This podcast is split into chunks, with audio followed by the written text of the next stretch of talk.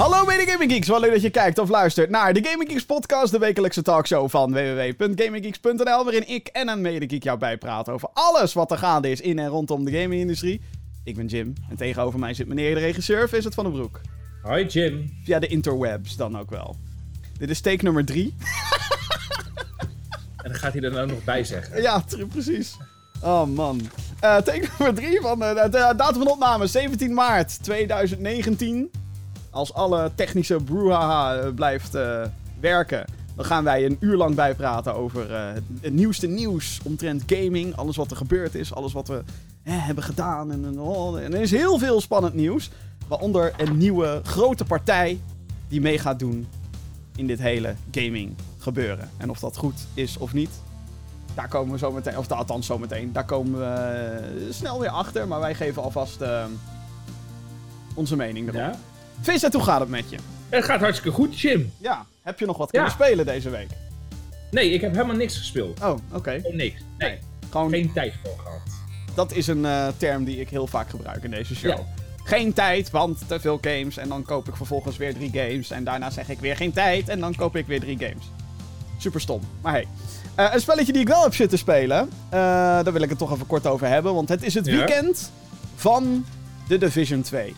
Ja, Eh The Division 2, eh, nieuwe looter shooter van Ubisoft. Eh, ik heb er acht uur of Ja. zo heb ik erin zitten, inmiddels. Dat is voor mijn doen, is dat best veel al. oké. De game is officieel sinds afgelopen vrijdag uitgekomen. En ja, ja ik, ik ging er een beetje sceptisch in. Eh Ja, The Division... Ik ook. Het is met, bij mij is het met de Division, zeg maar, die allereerste Division.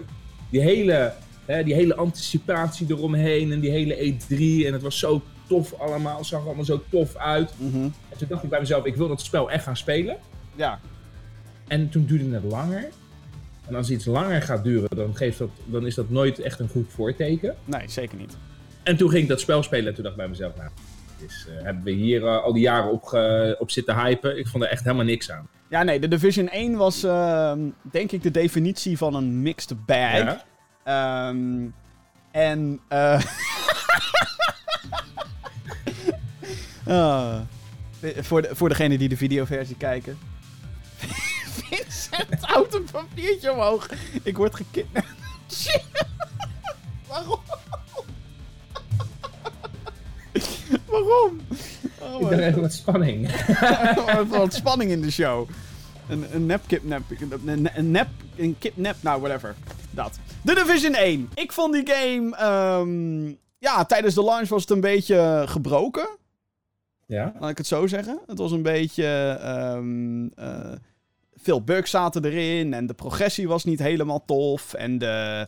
eh, het speelde zich, deel 1 speelde zich af in New York tijdens de winter. Dus het was Oeh. allemaal een beetje heel veel van hetzelfde.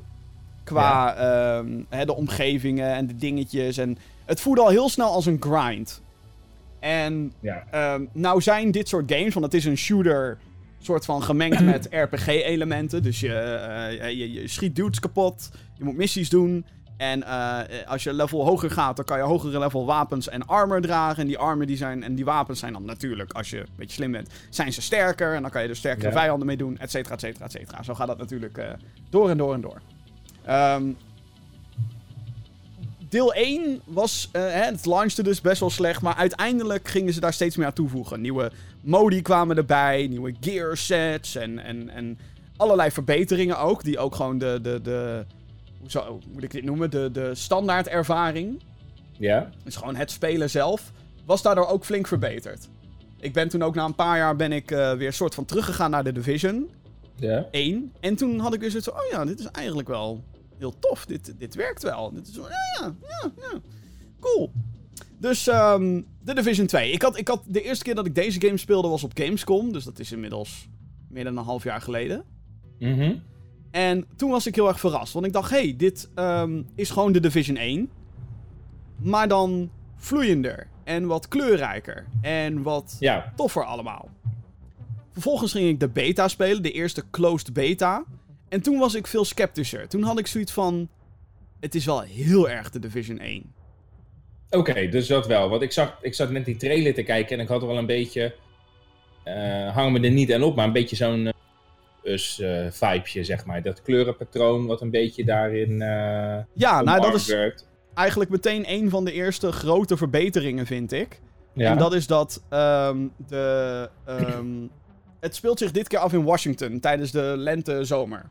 Oké, ja. Dus de maanden na Black Friday. Ja. En um, daardoor is het al veel meer. Ze kunnen veel meer variëren in, in gebieden en omgevingen. En uh, de kleuren ook. Dus in die zin is het meteen een letterlijk veel kleurrijkere game. Ja. Omdat je die mogelijkheden hebt. Als het niet in de winter. Ja, ja ga verder, ga verder. Ja, ik wilde weten, is, is, is het op of is het zeg maar uh, precies hetzelfde, maar dan vanuit een ander perspectief? Uh, nou ja, de, de basis gameplay is hetzelfde. Dus je hebt uh, cover mechanics, dus dat je achter allerlei objecten moet schuilen, want anders word je helemaal kapot geknald. Uh, het is weer multiplayer, je hebt allerlei missies. Maar wat ze dit keer hebben gedaan is, het lijkt alsof de game nu veel meer gevuld is met content. Dus je hebt de main story missions. Ja, met... maar ik bedoel ook het verhaal zelf. Wanneer vindt, vindt dat zich plaats? nou, het is zeven maanden na de, de, het verhaal van de Division Gaat over een ziekte die heet de Dollar Flu. Ja? Dus een ziekte die verspreid wordt door 1 dollar biljetten tijdens Black Friday. Dus dat is echt best wel cool bedacht. Uh, Waardoor alles post-apocalyptisch is en de halve mensheid, of drie vierde, of misschien wel vier vijfde van de mensheid is uitgestorven. Mm -hmm. dat is super tof. Pardon. Um, alleen daar werd in de Division 1 al niet heel veel mee gedaan met dat verhaal. Ja, de, de, nee. en, eh, de Division zijn eigenlijk soort van agenten van Justice of zo. Wij komen de boel opruimen. Uh, in, in, deze game word je letterlijk een sheriff genoemd. nou, dat is het ook een beetje. Jij bent de sheriff en jij komt gewoon alle mofo's kom jij kapot knallen. Ja. Uh, want omdat alles post-apocalyptisch is, zien mensen natuurlijk een excuus om het recht in eigen handen te nemen. Hoezo? Government bestaat niet. Um, wij hebben hier nu de controle in handen. Beetje wat je ook ziet met The Walking Dead. Weet je wel, dat er allerlei groepjes ontstaan. Um, dus met het verhaal wordt niet heel veel gedaan. Ik vind het verhaal op dit moment ook niet heel erg boeiend. Er lijkt namelijk geen urgentie te zijn op dit moment in het verhaal. Want ja, je komt Washington binnen. Daar is shit aan de hand. Want, oh, mensen nemen het recht in eigen handen. En er zijn vriendelijke mensen die gewoon een community willen starten. En klaar. Ja. Een beetje eigenlijk hetzelfde probleem als met The Walking Dead. Er is geen urgentie meer. Nee, en precies. Die was er in de Division 1 ook al niet echt. Want de halve wereld is al naar de kloten, weet je wel. Het is al, het is al kapot. En, ja. Nou goed. Dus, dus voor het verhaal moet je dit sowieso niet spelen. Um, Duidelijk. Maar je hebt dus die, die main story missies. En dat zijn lange missies. Krijg je heel veel experience voor. En daarmee unlock je ook weer nieuwe dingen. En, en uh, nieuwe features. Uh, dan heb je zijactiviteiten, zijmissies. Allemaal uh, soort van dynamische objectives of, of gewoon enemies die rondlopen ja. in bepaalde gebieden. Um, en dan heb je daarnaast ook nog eens dark zones waar je mensen tegen kan komen. En waar agents rogue kunnen gaan. Dus je kan andere spelers kapot knallen. Ja. En dan krijg je een soort marker boven je hoofd. En dan gaan mensen je zoeken. Want dan krijgen ze een beloning als ze jou weer neerknallen. Er zijn PvP-modes, een soort van deathmatch dingen. En ze gaan later ook nog dingen zoals 8-speler raids toevoegen. Dus eigenlijk is het meteen zo van: hey, wij, uh, willen een shitload aan content brengen en die gaan we je geven ook, verdorie. En de wereld zelf is niet heel groot. um, maar lijkt wat, op dit moment meer gevuld te zijn met content. Nogmaals, ik heb acht uur gespeeld. Ja. In één weekend. Vind ik best veel voor mezelf. Je moet echt wel voor goede huizen komen, wil je mij twee uur achter elkaar laten spelen. Dus dat is een beetje. Een is, of, het is geen issue, maar dat is heel, heel goed. Dat ik denk, oké, ik, ik, ik, wil, hè, ik wil sterke wapen, ik doe uh, cover naar cover. Uh. Waar ik me wel aan erger op dit moment, ja. is als je de Division 1 niet leuk vond, ja. dan is de kans ook heel groot dat je deze game niet leuk vindt. Want het nee, is wel. Precies, de skip. het is wel heel erg veel van hetzelfde. Wat logisch is, want het is de Division 2. Dus het, is, het, het borduurt echt heel erg voor op wat de eerste was. Groot issue die ik ook heb gehad, zijn crashes op de PC-versie. Oké. We hebben het allebei wel eens meegemaakt. Of iedereen heeft het denk ik wel eens meegemaakt. Je bent gewoon een game aan het spelen. En het is niet zo dat de crashes in deze game, in mijn geval, dat het gewoon mijn game afsluit. Nee. En mijn hele PC flipt hem. Ja. Waardoor ik echt in het midden van, oké, okay, ja, uh, rare kleurtjes op mijn scherm, alles hangt. Mhm. En eh, d- dat zijn wel echt van die dingen dat ik denk, kut zo. En ik ben zeker niet de enige die dit meldt. Ik zie meer crashes komen op, eh, op fora. En ik zie daarnaast ook eh, dat de PlayStation 4 een crashprobleem schijnt te hebben. En dat is wel altijd dat ik denk, oei, crashes op console, dat is wel... ja, precies. Dat had Anthem ook natuurlijk. dus dat is wel, eh, ja, ik, ik, ik, ik weet niet... Ik hoop dat ze dat gaan fixen. Ubisoft Ja. is de laatste jaren wel heel erg van dat, hey, wij fixen onze games. Dus, en, en de game is ook nog maar net uit. Maar alsnog, het is wel iets waarvan ik nu zoiets heb van... Je gaat dan met een Hmm. onveilig gevoel ga je spelen. Ik Ja. haat dat. Dat je gewoon gaat spelen en dat je denkt... Het Gaat zou ieder moment kunnen gaan crashen. Ja, en dat, dat, is, dat is echt heel kloten. We hebben met deze podcast hebben we het ook wel eens gehad. Dat we midden in de Dat opnames... gebeurt wel eens. Ja, Ja. dat het internet uitvalt of zo. Haat ik. Haat ik, haat ik, haat ik. Terwijl de game verder gewoon ziet er goed uit. eh, loopt lekker, zeg maar. Dus dat is wel ja, prima. Ik, ik ben heel erg aangenaam verrast. En het is... ehm, ik weet zeker dat heel veel mensen natuurlijk de vraag gaan stellen... Welke is beter, Anthem of The Division? Klinkt heel lullig, want ik ben eigenlijk een soort van verdediger geweest van Anthem. Van jongens, ga niet zo haat op Mhm. Anthem, is nergens voor nodig. The Division 2 is wel echt 10.000 keer beter dan Anthem, ja. Die heeft gewoon veel beter in de gaten hoe je spelers dopamine kan geven. Van, oh, je hebt weer iets unlocked. Oh, hé, hey, nieuwe Ja. missie. Oh, en dat, dat doet die game Nou, zoveel beter. Ge- geef mij ook maar wat dopamine en dan gaan we naar een volgende. Duidelijk. Du- Heel subtiel, Vincent, dankjewel. Zometeen gaan we het hebben over Halo, die komt naar de PC. En er is weer controverse rondom de Epic Game Store, dames en heren. Maar eerst gaan we het hebben over Google. Oké. Jouw favoriete search bar. Ja, Want beter dan de Bing. de enige toch? Ja, nou ja, je hebt Bing van Ja, Microsoft. ik. Je hebt nog een MSN eh, Search of zoiets. eh, Oh ja, dat heb je ook nog, ja. What the hell. Anyway, Google gaat op 19 maart tijdens de GDC, dat is de Game Developers Conference, ja. zijn gamingprojecten uit de doeken doen. Eerder testte het bedrijf al het spelen van games via streaming. Hierbij kon Assassin's Creed Odyssey via een Google Chrome browser gespeeld worden. Eh, Jade Raymond, voorheen producer bij Ubisoft en EA, is nu vicepresident bij. Zij was onder andere betrokken bij de eerste paar Assassin's Creed games en werkte bij EA aan het geannuleerde Star Wars project Orca. Eh, dat niet alleen. eh, Google heeft ook aangekondigd dat na hun aankondiging, hun stream, hun grote ding, gaan ze zogeheten developer sessions presenteren, uitzenden op. Game Developers Conference. En daar zijn bij betrokken Ubisoft, id Software, bekend van Doom, en Crystal Dynamics, bekend van de Tomb Raider games en de aankomende Avengers game. Dus.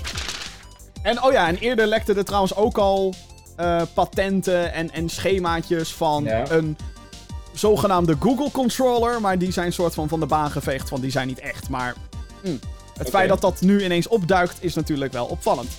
Ja. Dus ja, Google, streaming en gaming. Het gaat waarschijnlijk, eh, wat iedereen denkt, en ik ook, een subscription service worden. Waarbij Ja. je à la PlayStation Now of à la Netflix of à la Utomic, een Nederlandse dienst. Ja. Je, hè, je gaat naar Google Gaming, ik noem het even nu zo.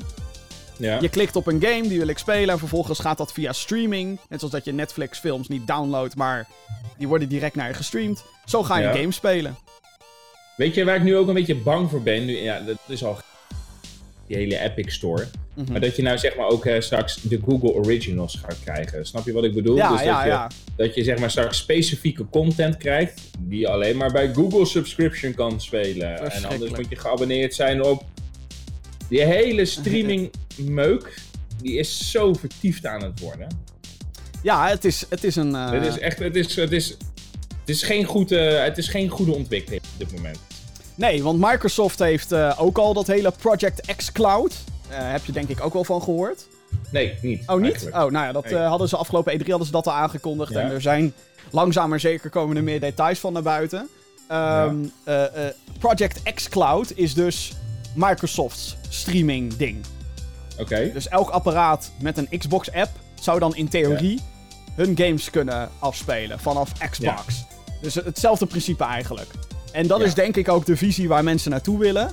Dat je niet een specifiek apparaat meer hoeft te kopen om een game te spelen, maar dat je een service moet hebben om een game te spelen. In theorie Ja. klinkt het natuurlijk allemaal fantastisch. Kijk, mijn grootste zorg op dit moment is gewoon internet.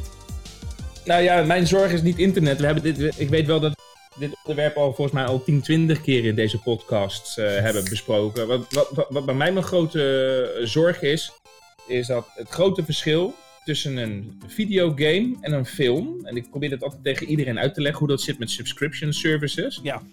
Uh, in een film investeer je twee uur tijd om naar te kijken. Ja.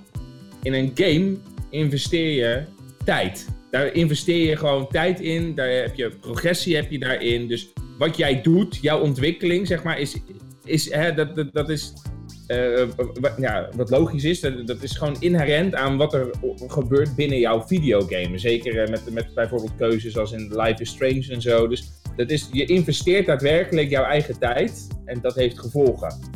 Jij oefent geen invloed uit op een film. Die film is lineair, dat is klaar. Dus jij kijkt ernaar en je kan hem op pauze zetten. En als hij dan van Netflix af wordt gehaald, want daar wil ik uiteindelijk heen gaan, dat is kut. Zeker als je midden in je favoriete serie zit. Ja. Maar het is lang niet zo kut als dat er, jou, jou, jou, dat er iets gebeurt op dat service systeem waardoor jouw game weg is. Ja. Omdat er een licentie uh, wegvalt. Of dat, en dat ze je gaan pushen van hey, je hebt nog maar een maand de tijd om dit spel te spelen. Service afgehaald.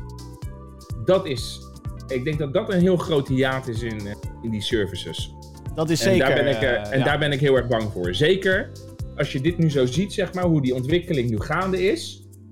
En, dat, en ik bedoel, want die videogame-industrie, dat gaat dezelfde problemen krijgen als wat nu gewoon de filmindustrie uh, heeft. Met Disney die zijn, uh, die zijn licenties terugtrekt. Disney Plus, uh, Netflix, Hulu, Amazon, ja. Prime.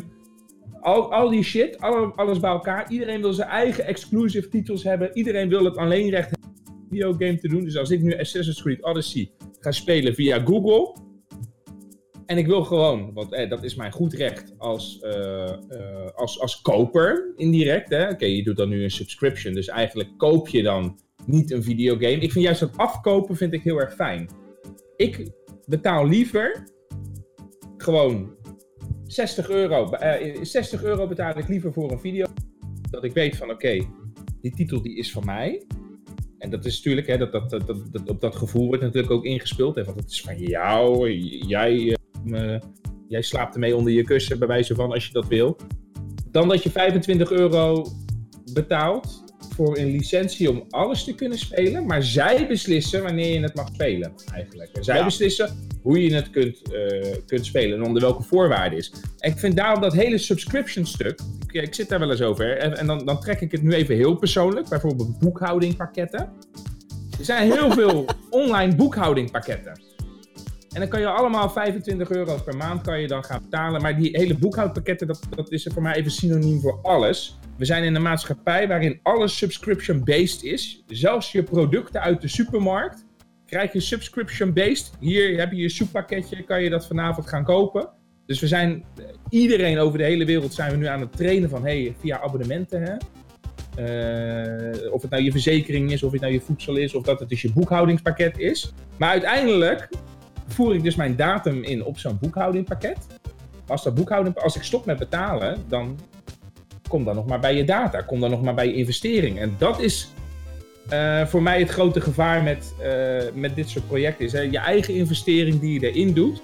Doordat jij tijd en energie erin steekt, dwing je jezelf ertoe om dat abonnement, kosten wat het kost, te, te, te blijven te betalen. Want ja. anders raak je je progressie kwijt. Anders raak je dit kwijt. En ik vind dat dus een hele verkeerde ontwikkeling. En ik denk dat dat iets is waar we, uh, waar we ons bewust van moeten worden.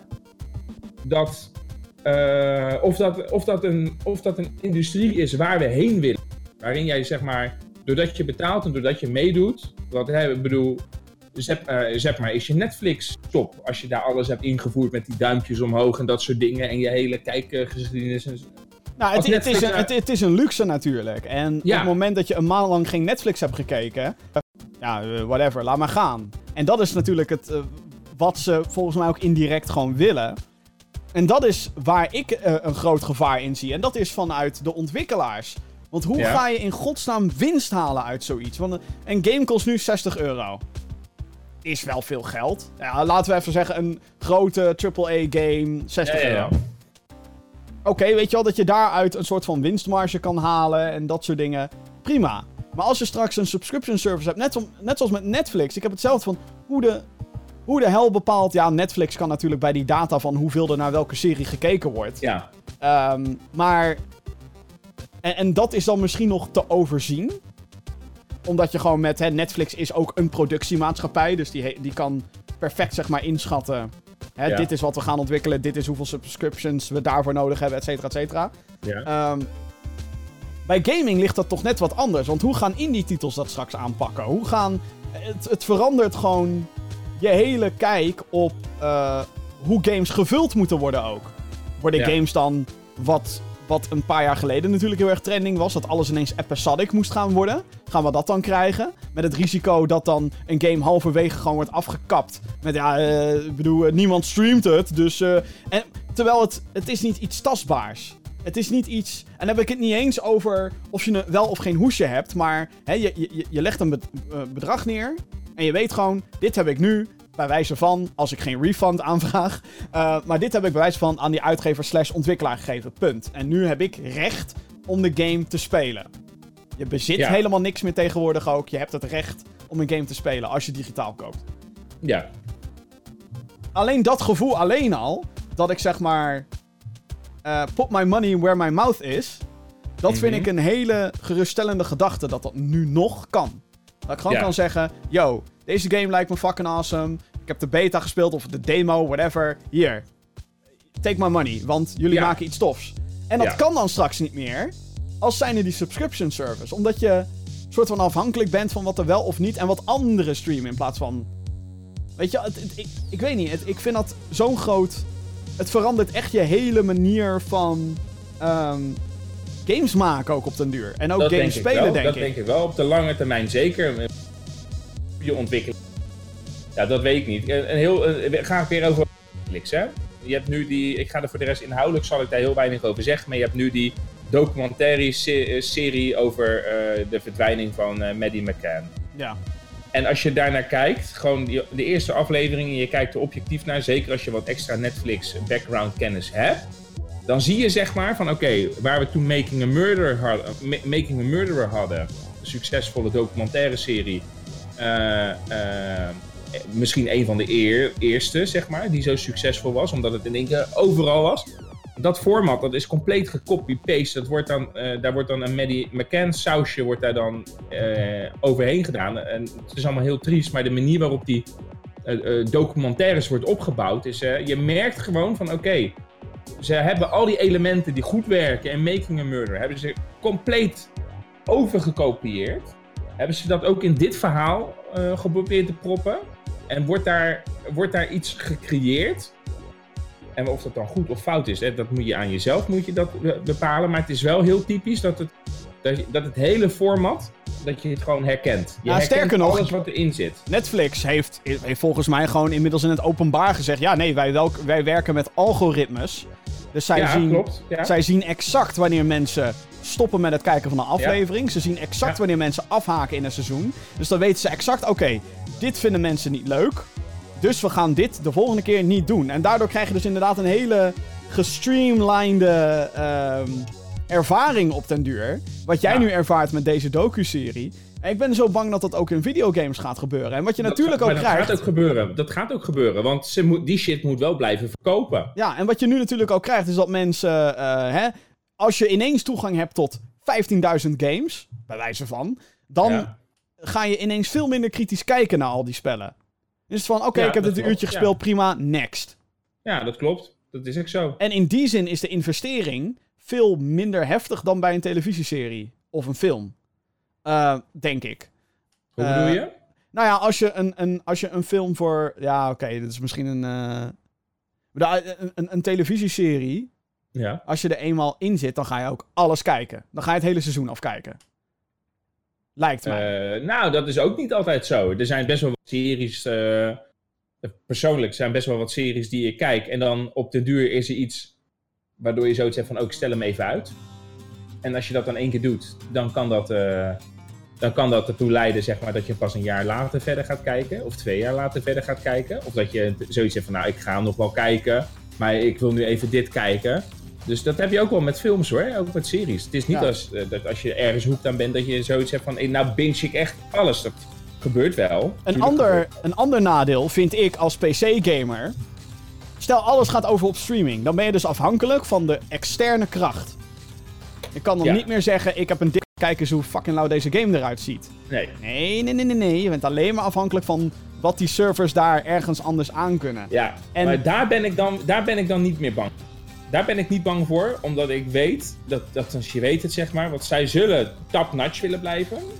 Zij zullen er moeten voor, voor zorgen dat het eh, het beste, wat het, dat zie je ook met Netflix. De nieuwe titels zijn allemaal 4K, HDR10. Daar, voor, de tech, voor het technische aspect ben ik zelf persoonlijk helemaal niet bang. Ik denk dat dat Nou, ik denk het wel, want het is, het is wat anders om een. Om een eh, het is een hele andere tak van sport om een high-quality stream, video stream, ergens te krijgen.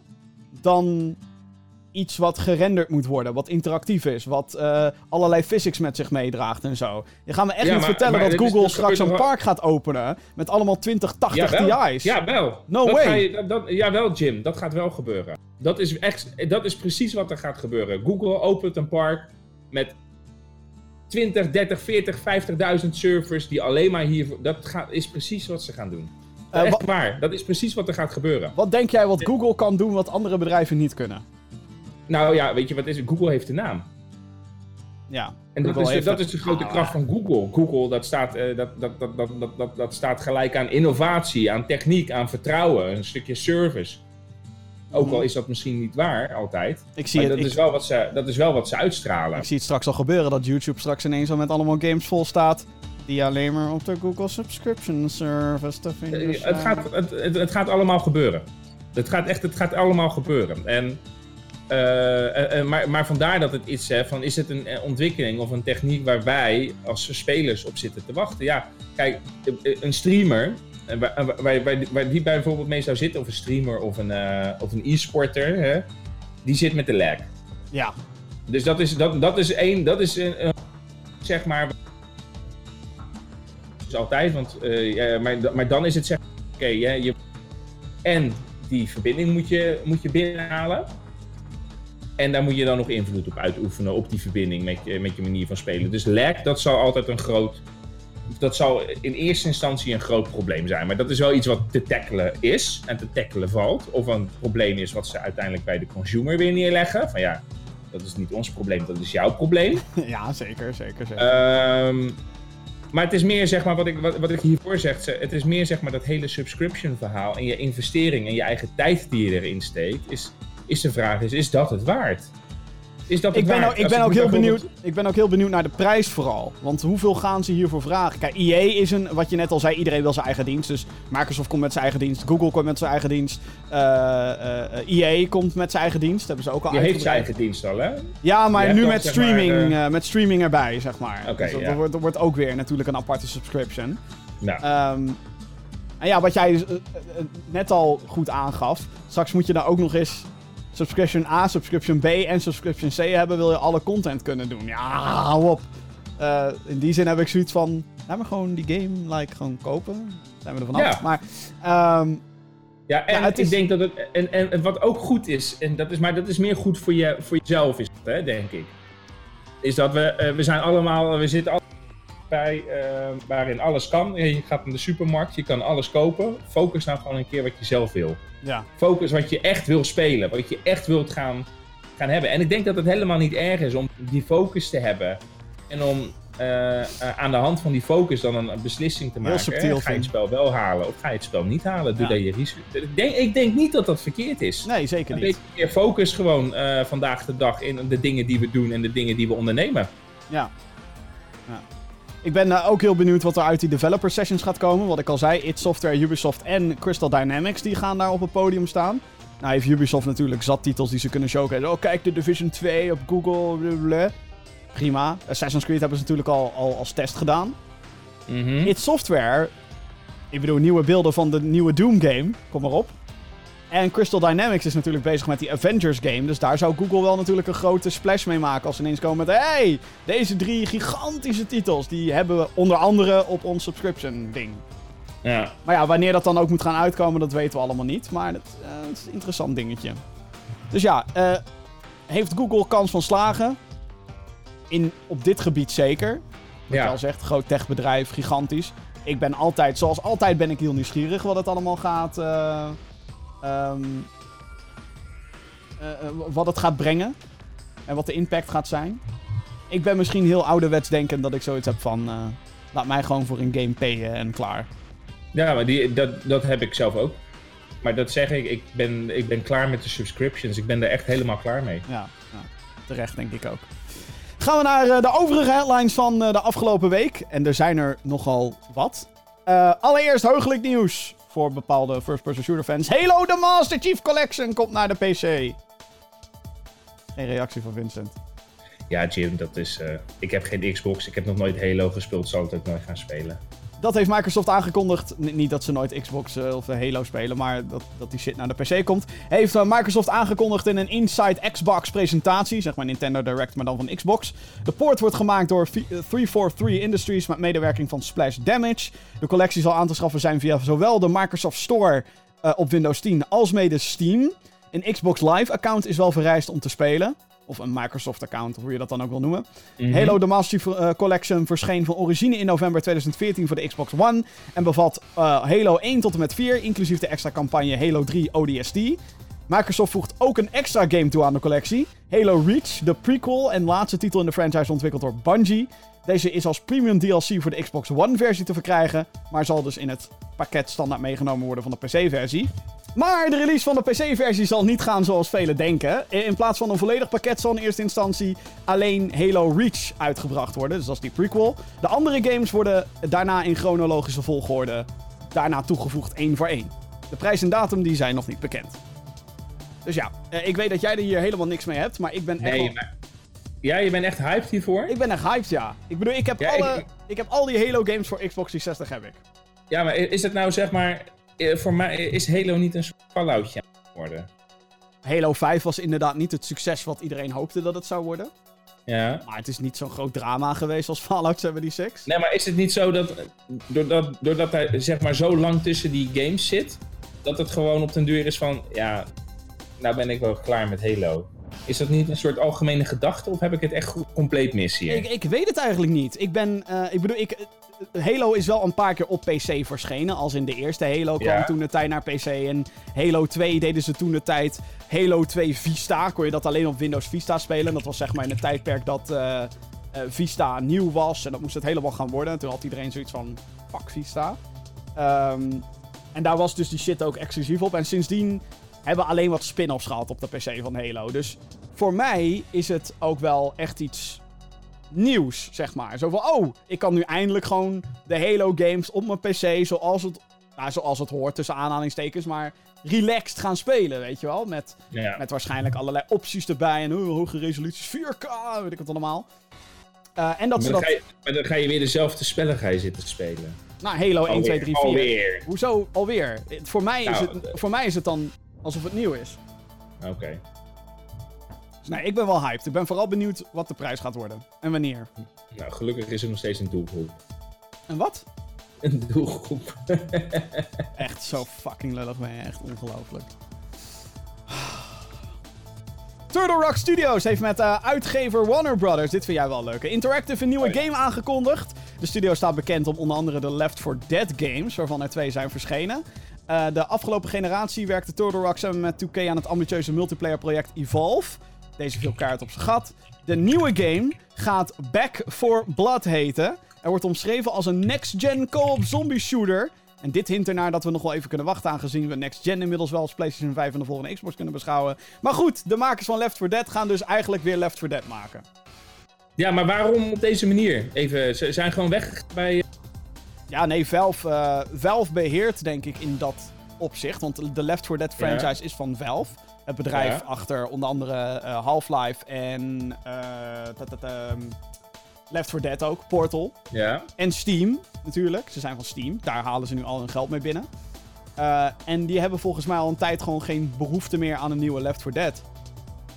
Wat gewoon ontzettend stom is. Wat heel stom is, ja. Ik denk dat in, in- inmiddels mensen wel echt weer... eh, eh, als je echt een goede zombie shooter maakt...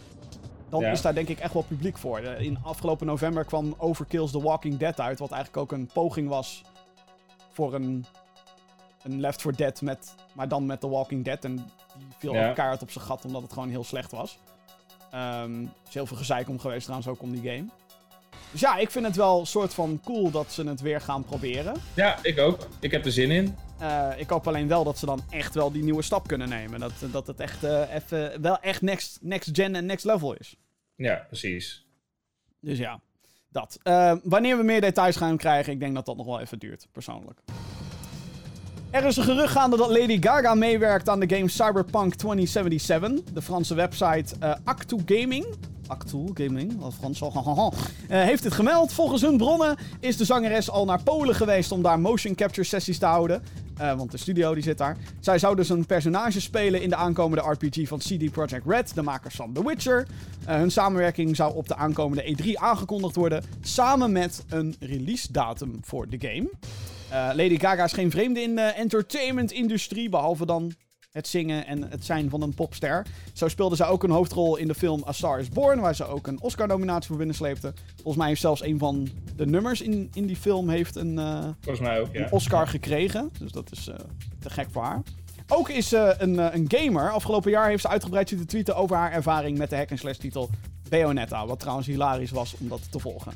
Ze had echt heel veel moeite met dat spel.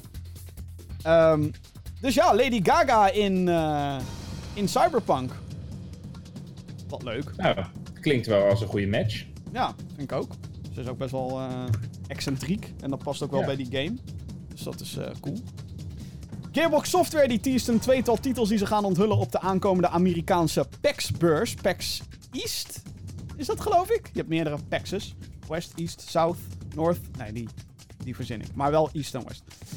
Anyway, eh, de ontwikkelaar slash uitgever gaat op 28 maart daar, een presentatie houden waar zij dus nieuwe games gaan laten zien.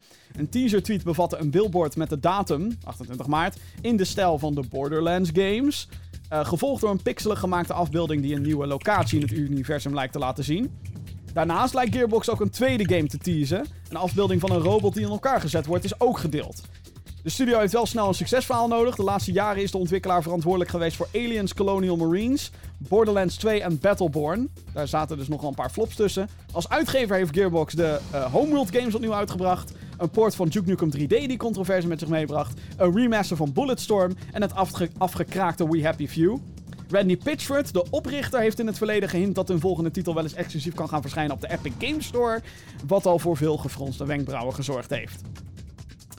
Als ik een gokje moet wagen, een gokje die iedereen op dit moment waagt, Ja, de Borderlands 3.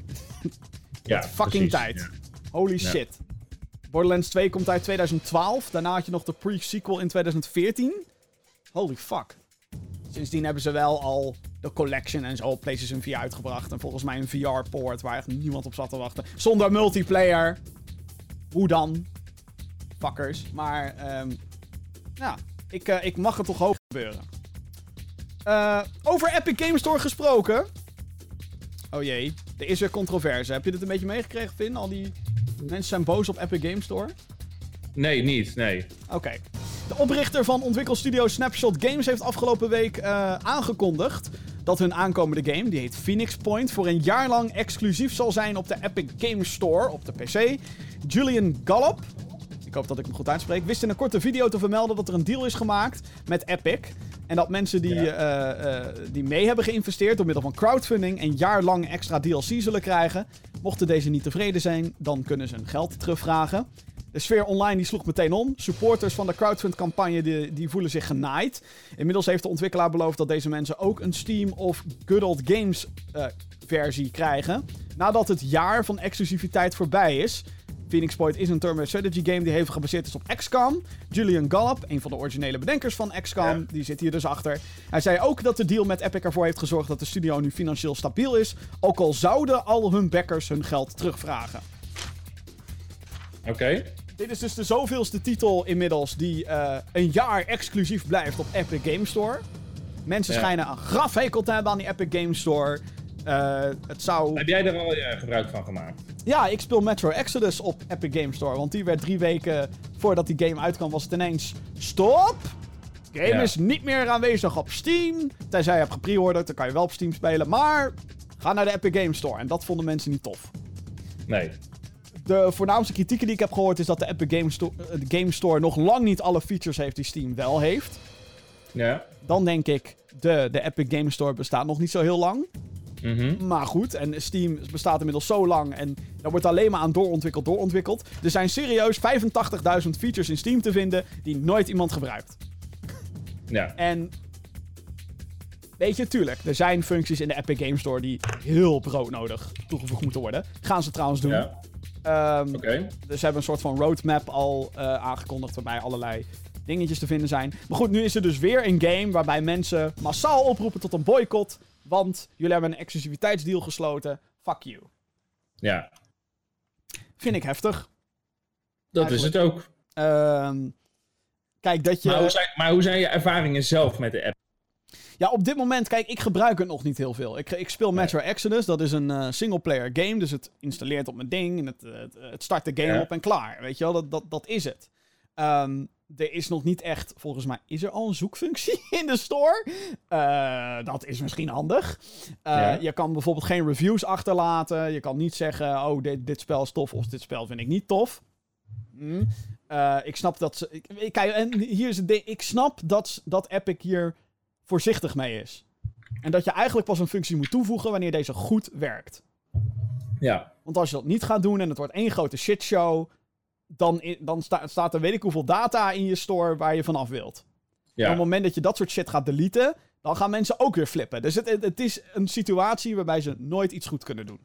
Nee, Dat is precies. een beetje de strekking van het hele verhaal ook. En. Ehm, ik snap zelf niet zozeer de haat op Epic Game Store. Ik snap Nee. niet hoe heftig mensen hier eh, iets tegen hebben. En de grootste eh, klacht die mensen dan hebben... eh, dan moet ik weer een account aanmaken. En dan denk ik... Fuck you. Gewoon echt fuck you. Je moet voor alles wat je doet... moet je een fucking account aanmaken. Voor alles wat je doet. Als ik mijn fucking videokaart drivers wil updaten op mijn PC... moet ik inloggen met mijn Nvidia shit. Is dat Ja. bullshit? Ja. Accepteer ik het? Ook. Wordt het geforceerd? Oké, ja, true. Maar, kijk, ik zie het alleen maar als een kans van... Hè, hè, eindelijk concurrentie voor Steam. Eindelijk. Steam, niet Ja. meer die monopolie, niet meer die, die, die, die shit. Is het zeg maar overdreven dat elke partij nu zijn eigen service wil beginnen? Tuurlijk. Maar ik zie zeg maar mensen die Fortnite spelen klagen over het feit dat ze voor een Epic Games Store een apart account moeten maken. Wat dus bullshit is, want je hebt al een Fortnite account. Dat is je Epic Ja. account. Ja, ja. Dus daar heb ik zoiets van. eh. En tuurlijk, staan er nog niet zo heel veel games op? Is het een, natuurlijk niet. Maar geef het tijd. Steam, je wil niet weten hoe kut Steam was toen dat uitkwam. Toen dat uitkwam, dat was met Half-Life 2. Je moest toen Steam installeren om Half-Life 2. Iedereen kraakte het af. Het was een fucking shitshow. Kijk waar Steam nu is. Ja. Dus ik heb zoiets van, jongens, geef het tijd, geef het de kans. En als het sommige ontwikkelaars helpt om, eh, hè, zeg maar, financieel iets van zekerheid te hebben. Mensen Ja. vergeten denk ik heel vaak hoe, hoeveel risico er zit aan een ontwikkelstudio om een game te maken en uit te brengen. Dat zit echt, dat is bizar. Ja. En als je dan exposure kan krijgen en een plek op de frontpage van wat gewoon een hele populaire launcher is, want heel veel mensen loggen op Epic alleen al in via Fortnite. Ja. Ja, tuurlijk grijp je die kans. Tuurlijk grijp je die kans. Dus dat mensen daar zo op hameren, ik vind het eh, zwaar overdreven eigenlijk. Ja. En tuurlijk dat grote bedrijven er dan mee inspringen. Hè. De metro-exclusiviteit is inderdaad heel erg shady. Omdat ehm, eh, hè, drie weken van tevoren ineens... Oh, we gaan niet meer op Steam, we gaan op Epic. Tuurlijk. Heeft, heeft dat bedrijf dat nodig? Deep Silver, de uitgever, Koch Media? Tuurlijk niet. Tuurlijk niet. Maar vanuit Epic snap ik het heel goed. En ja, eh, ik heb zoiets van, wat is het probleem? Ja. Exact. Weet je wel, ik snap het, functies en, eh, en, en eh, er worden ook allemaal aannames gedaan. Oh, ze hebben geen reviews, dus ze willen ons censureren. Nee, dat is het helemaal niet. De functie zit er gewoon nog niet in. Dus, ja. Ik, ehm, ik vind het opvallend. eh, vooral, wat ik aan deze situatie opvallend vind, Ja. met, met Phoenix Point, is dat ze er eigenlijk heel open over zijn. Zo van, yo, hè, eh, we gaan naar Epic, we hebben een deal gesloten. Mocht je niet tevreden zijn, kan je gewoon je geld terugvragen. Ik bedoel, en, en Ja, alsnog, dat is wel mooi. Haat, haat, haat. En dan gaan ze ook nog eens zeggen, hé trouwens, als je hebt gepreorderd al, je krijgt die shit op Epic, je krijgt gratis DLC. En vervolgens krijg je ook nog eens de game en alle DLC op Steam na een jaar. Ja. Ik bedoel, Ja, ze kunnen niet. What the fuck? En mensen zijn alsnog zout als ik weet niet wat.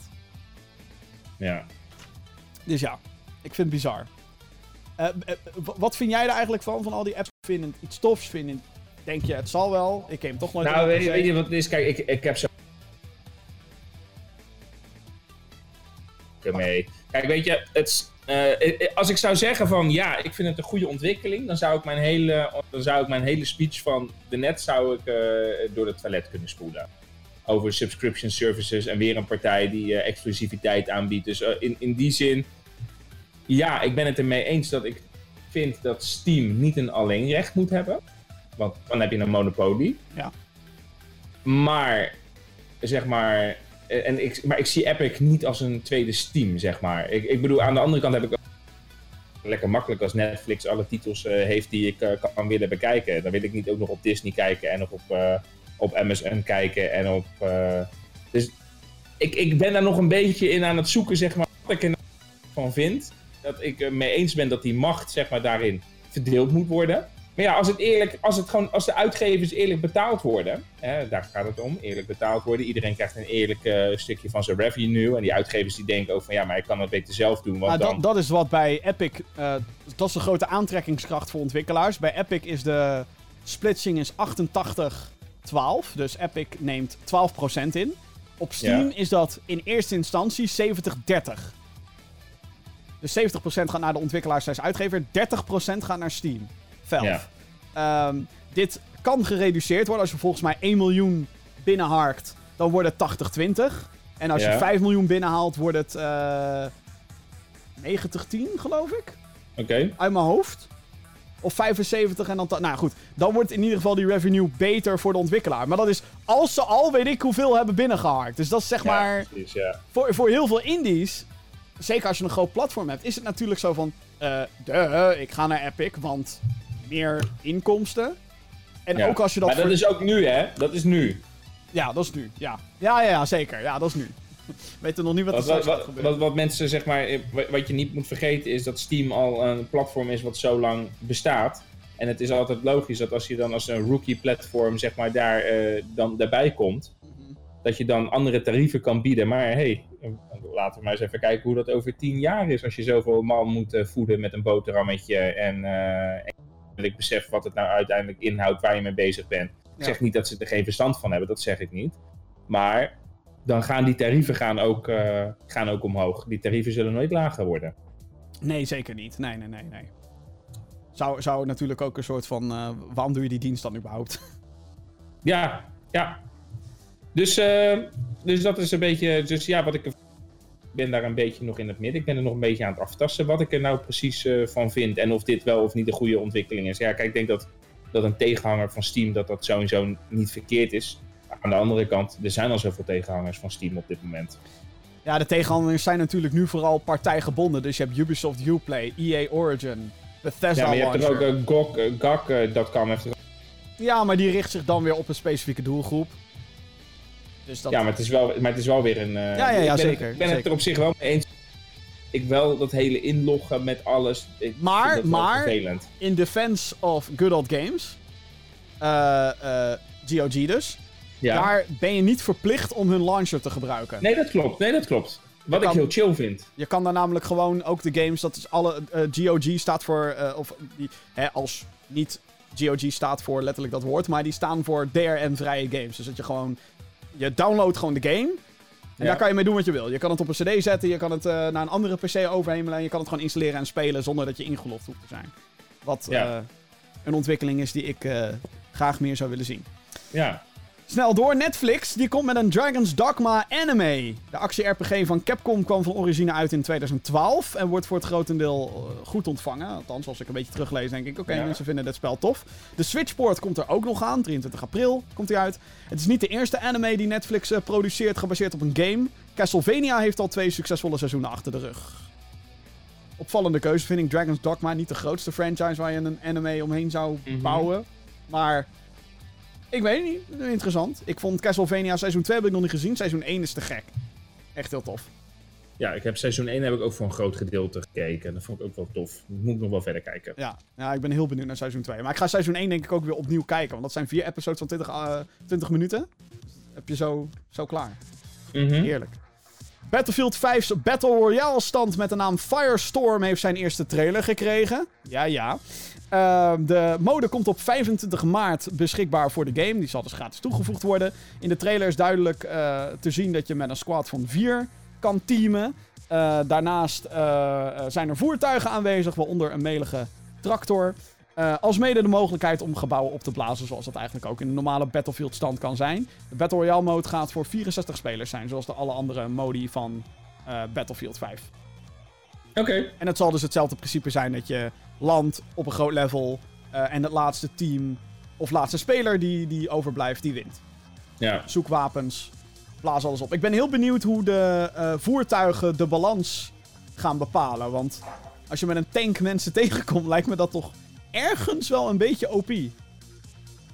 Ja, maar ja, als er één. eh, Als, maar aan de andere kant is het natuurlijk ook weer zo dat die tank die zal dan op een vaste locatie liggen waar iedereen heen wil om die Ah, tank te bemachtigen. Dus voordat je eenmaal in die tank zit, heeft er al een hele. eh, heeft er al een heel slagveld eh, plaatsgevonden. En als je dat slagveld hebt overleefd, dan heb je wel recht op die tank. Ja, het zou, het zou wel cool zijn als ze dat op die manier inderdaad doen, ja. Dat het een soort van drop wordt. Gaan die Een soort, ineens... soort Tilted Towers, die Ja. tank. Tilted Tanks. Oh ja, ja, ja. Of dat, of dat zo'n tank letterlijk dropt vanuit een vliegtuig met... Ja, dat zou kunnen, ja, precies. En dan zo'n. Vecht om de tank! ja, Ja, nee, dat zou ik ook tof vinden, ja. En als laatste headliner Flying Wild Hawk Studios, bekend van de moderne Shadow Warrior games, die is overgekocht. Ze sluiten zich aan bij een nieuw initiatief wat Supernova heet. Die is gestart door een oud-oprichter van eh, ontwikkelaar Splash Damage. Eh, wat het team van Flying Wild Hawk gaat maken is niet bekend, maar lijkt er hierdoor op alsof Shadow Warrior 3 van de baan is, aangezien deze rechten bij Devolver Digital liggen. En dat vind ik kut. Ja, nog even over die, eh, over die Battlefield tank. Dat, als, stel nou met die tank, dat zou best wel eens die Thanos mode kunnen zijn uit Fortnite. Nou, volgens mij zit het er standaard in, is, de, is het Nee, maar ik bedoel dat idee, zeg maar. Oh, ja, iedereen ja. die vecht om zo'n gauntlet en dan eh je overpowered. Ja. Of ze, of ze moeten die balans heel goed vinden tussen anti-tankwapens en, Ja, ja, precies, dat zou kunnen, ja. en dat soort dingen. Eh, ja, dan gaan we even heel snel door de mailtjes. Podcast.gaminggeeks.nl, dat is het eh, mailadres waar jij al je commentaar op kwijt kan. Of dat nou nu is, terwijl je dit live aan het meekijken bent, je luistert of je kijkt. Ehm, al je commentaar of vragen of alles wat er tussenin ligt. Podcast.gaminggeeks.nl, dat is het mailadres. Allereerst een mailtje van Olé.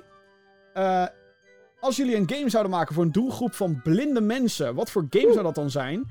En op welk platform zouden jullie die dan uitbrengen? Zover ik weet is er maar eh, één keer een poging gedaan met een Wii-game genaamd De Ontdekker en het Mysterie van de Diamanten Scarabee. Maar dat was een erg slecht spel, zo klinkt het ook. Zoek het gerust op als jullie er nog nooit van hebben gehoord. Ik ben erg benieuwd naar jullie antwoord. Nou, ik, ik denk dat ik gewoon andere platformen zou gebruiken dan eh, videogames. Ja, dit klinkt super lullig, maar ik zou niet weten hoe je een game kan maken voor blinden. Nou, weet je, het zou Ja, wel kunnen. Kijk, misschien in een soort co-op zou kunnen. Dus dat je, eh, dus, eh, dat je bijvoorbeeld een, een co-op mode hebt waarin wordt iets gefluisterd of iets in die richting. En dat moet je dan eh, die een beetje keep calm and nobody explodes, alleen dan anders, zeg maar, op een andere manier. Dus dat in iemand eh, misschien dat, dat je morsecodes krijgt of iets, maar dan zit je gewoon heel erg met geluid. Maar dan is nog Ja. de vraag van ja, is dat voor een ontwikkelaar, is, is daar genoeg doelgroep voor? Eh, is daar genoeg animo op die manier voor? Kan je niet beter andere, eh, kan je niet beter andere, wat meer audi- audio, eh, ja, wat, wat meer andere audioplatformen daarvoor gebruiken? Want ja, met een game dan denk je meteen aan het visueel en eh, ja, dat wordt lastig. Ja. Wa- Waar En als je wel... misschien bijna blind bent, dan zou je eh, tinten kunnen doen en zo. Maar ik denk niet dat videogames hier het platform van zijn. Dan zit je toch veel meer op een andere platform. Waar, waar, waar, het enige waar ik nog aan zou denken is dat je inderdaad hoort wat er soort van om je heen gebeurt. En dat je met, door middel van, maar dan moet je echt een goede controller hebben die daarop waarschijnlijk is aangepast. Dus door middel van trillingen in een controller dan Mhm. ook soort van daarmee impulsen kan geven. Ja, dat is ook zo. Maar dan is, is Alleen- de vraag, is het dan een game of is het een installatie? Want je, je, het beeld, zeg maar, daar doe je niks mee. Nee, nee, precies. Wat, eh, wat misschien hiervoor een toffe zou zijn, is als je... Je had vro- vroeger had je van die text-adventures. En dat was... eh, dat waren dan eh, gewoon... Dat was alleen maar tekst. Ja? In theorie zou je dat natuurlijk... Zou je daar een soort van audioboekversie van kunnen maken.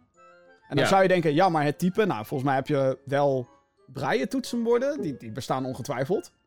Mhm. Of, of hè, dat, dat, dat mensen kunnen voelen waar ze zitten op de toets. Althans, ik, ik kan bijvoorbeeld blind typen. Maar misschien daarvoor. Maar ja, dit klinkt super lullig. En het is niet omdat ik mensen iets misgun. Maar ja, eh, eh, het, eh, het ouderwetse woord is ook videogames.